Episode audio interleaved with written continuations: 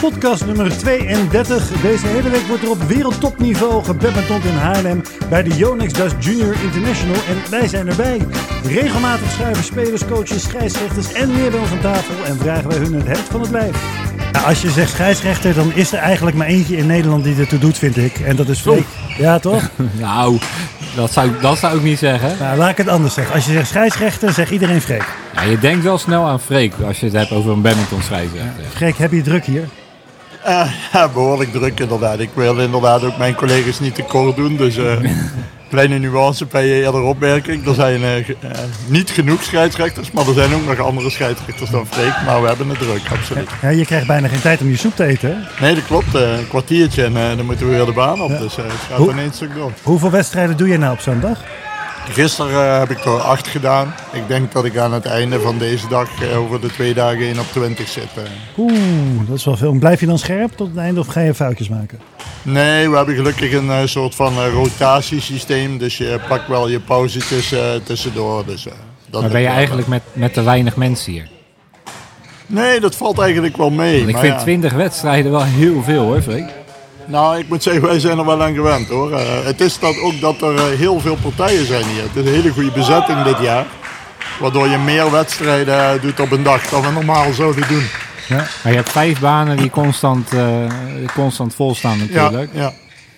Maar ik kan me wel voorstellen dat als je dan tien wedstrijden op een dag moet eh scheidsen. Ik, ik doe wel eens eh, op een blauwe maandag één wedstrijd. En dan na één wedstrijd denk ik wel, eh, dat is wel leuk geweest dat scheidsen. Jij moet gelukkig wel meer bewegen. je Nee, bedoelt als scheids. scheids, als ja, ja, ja, ja. Ja, het is wel vermoeiend, maar ja, wij vinden het leuk hè. Het, Dus, eh, Ja, ik vind het ook leuk, één wedstrijdje. Ik Maar vind dat wel een- interessant, Tien op een dag. Michiel. Ik vind dat wel interessant. Hoe zie jij Michiel als scheidsrechter? Zou die, zou die eerlijk zijn, zeg maar, als scheids? Nou, eh, als scheidsrechter wel ja. Ja. ja. Ik ben wel omkoopbaar hoor. Laat ik Ja, niet ja, ik dat ben- dacht ik. ik ben ook, een ja. hele corrupte scheidsrechter zou ik Al, zeggen. als speler heb ik wel eens mijn twijfels bij de mening van Michiel, maar als scheidsrechter geloof ik best dat hij eh, eerlijk zal zijn. Heb jij een beetje ervaringen met Michiel? Ja, ik eh, ik heb Michiel wel een paar keer gescheidsrechter door de jaren heen, eh, geloof ik. ja. Dat zeker wel. Meer dan een paar keer. En wat is nou het... ja, dat vind ik leuk. Wat is het ergste wat je hebt meegemaakt met Michiel? Of overval ik je nu mee? Nou, nee. ik Nee, je hebt een vat eh, vol, toen- ja. Toen, eh, toen Michiel nog wat jonger was, zeg maar, toen kwamen er niet altijd de meest nette woorden eh, uit zijn mond na een mislukte rally. En eh, hij is wat wijzer geworden, gelukkig, door de jaren heen. Nou, die Diezelfde, diezelfde woorden komen er nog steeds uit, maar dan zeg ik het iets zachter en draai ik me weg van de Ja, scheidsrechter. Ja, je, mo- je mompelt er tegenwoordig. Die ervaring Ja, heb je dan ja, op een gegeven moment wel. En wat is jouw ervaring met Freek als scheidsrechter? Ja, het is wel een beetje wat je zegt. Het is, hij is ja, onderdeel van het meubilair geworden Ja. in badminton Nederland. Hè? Dat, dat zeg ik eh, met heel veel eerbied. Want het is gewoon heel fijn om Freek als scheidsrechter te hebben. Want je weet gewoon wat je aan hem hebt. Je, je weet waar zijn grens liggen. Eh, hij is heel professioneel. En ja, wat ik zeg... Het, is gewoon vanzelfsprekend dat, dat, dat Freek je scheidsrechter is. Ja. En, en is het dan ook zo dat je bijvoorbeeld als Freek iets doet waar je het niet mee eens bent, dat je dan toch minder ver doorzet? Nee, dan trek ik hem gewoon van zijn stoel hoor. Ja? Dat, dat nog steeds. Ja, volgens mij is dat bij Freek lastig hoor. Ja, dat lukt wel hoor. Nee, nee Dit, ja. doet, dit doet mij denken aan Gerbert Bruistert. Ja, die heeft aan het begin van zijn carrière tegen mij gezegd... ik heb mij tot doel gesteld om jou een keer van de stoel te trekken. Hij is gestopt, het is hem helaas niet gelukt. Ja, Maar misschien, misschien bij de veteranenkampioenschappen. heb je- Ja, je ja, ook hij begint nu weer beter. Ja. dus, Ik zie hem een stukje verder in de zaal lopen, dus ik sta niet te stevig zitten. Ehm eh, Freek, eh, eh, wat, wat rest jou nog als scheidsrechter? Wat, wat, hè, hoe lang ga je er nog door, zeg maar? Nou, eh, ik ga door zolang ik eh, het gevoel heb en ook de feedback krijg dat ik nog eh, wat toe kan voegen. Als BWF eh, zit er een eh, leeftijdslimiet op. Dus Ja. dat is voor mij eh, 2028 het laatste jaar.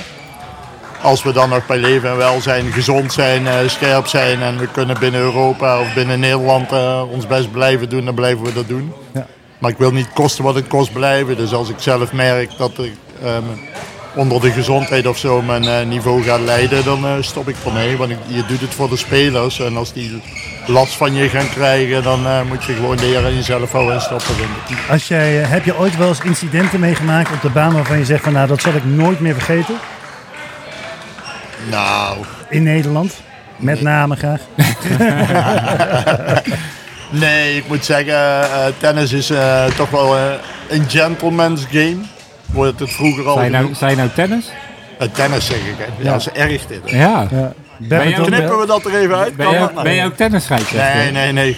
Godzijdank niet. Nou, hoe Tennis, vind tennis, is ook, tennis is ook een gentleman's game, Tennis is maar, ook een je bedoelde badminton. Badminton is dat ook. En eh, met name in Nederland ook zijn de spelers over het algemeen beleefd. Ja, ik heb wel eens een kaart uit moeten delen aan deze of gene, omdat hij eh het slof schoot, een racket brak of wat dan ook.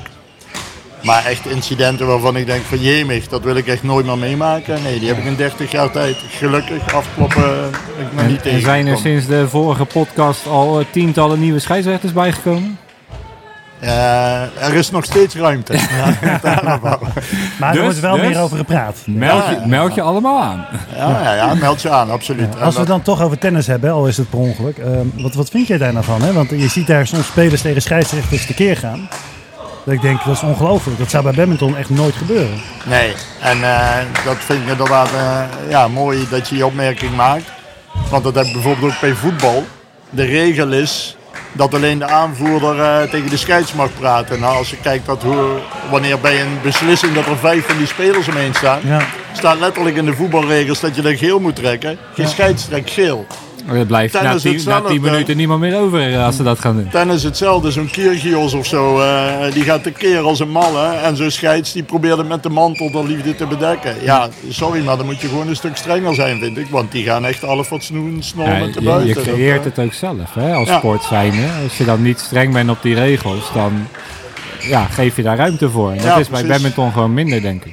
Ja, bij badminton eh, hebben ze gelukkig wat meer een eh, strenger beleid, zeg maar, dat ze ook doorpakken op het moment dat er iets gebeurt. Want we hebben één keer gehad dat een eh, speler een scheidsrechter bijna te lijf wilde op de internationale tour. En die zes maanden geschorst Ja. en kreeg 1500 euro boete.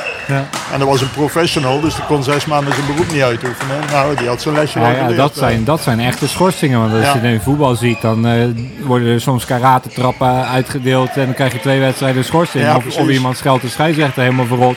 En die krijgt eh, alleen een gele kaart inderdaad. Want, En dan eh, zegt de club, we steunen de speler, Ja. we betalen de boete. Dan Ja. denk ik helemaal Ja. van, waar zijn mee bezig? sowieso, Eh, die boete bij voetbal heeft natuurlijk geen zin. Dat zijn Nee. allemaal miljonair. ja, ja. Is, is er trouwens ergens terug te vinden hoeveel kaarten je hebt uitgedeeld in je carrière?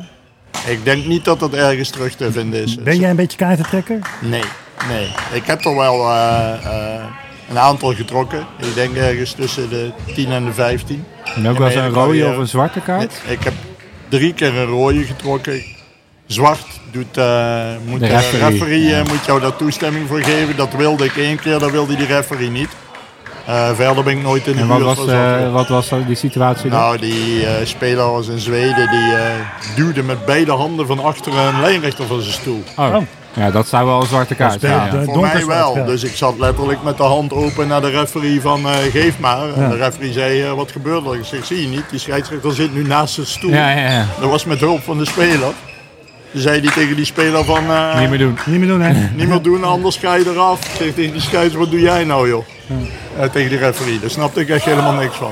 Dus, eh, Freek, wij gaan jou, want je hebt nog maar een paar minuten over. Je gaan jou je soep, nu die nog warm is, laten eten. Bedankt voor het interview en we spreken je snel weer. heel graag gedaan en bedankt voor de aandacht die jullie aan ons vak blijven geven. Dat wordt zeer gewaardeerd. Graag gedaan.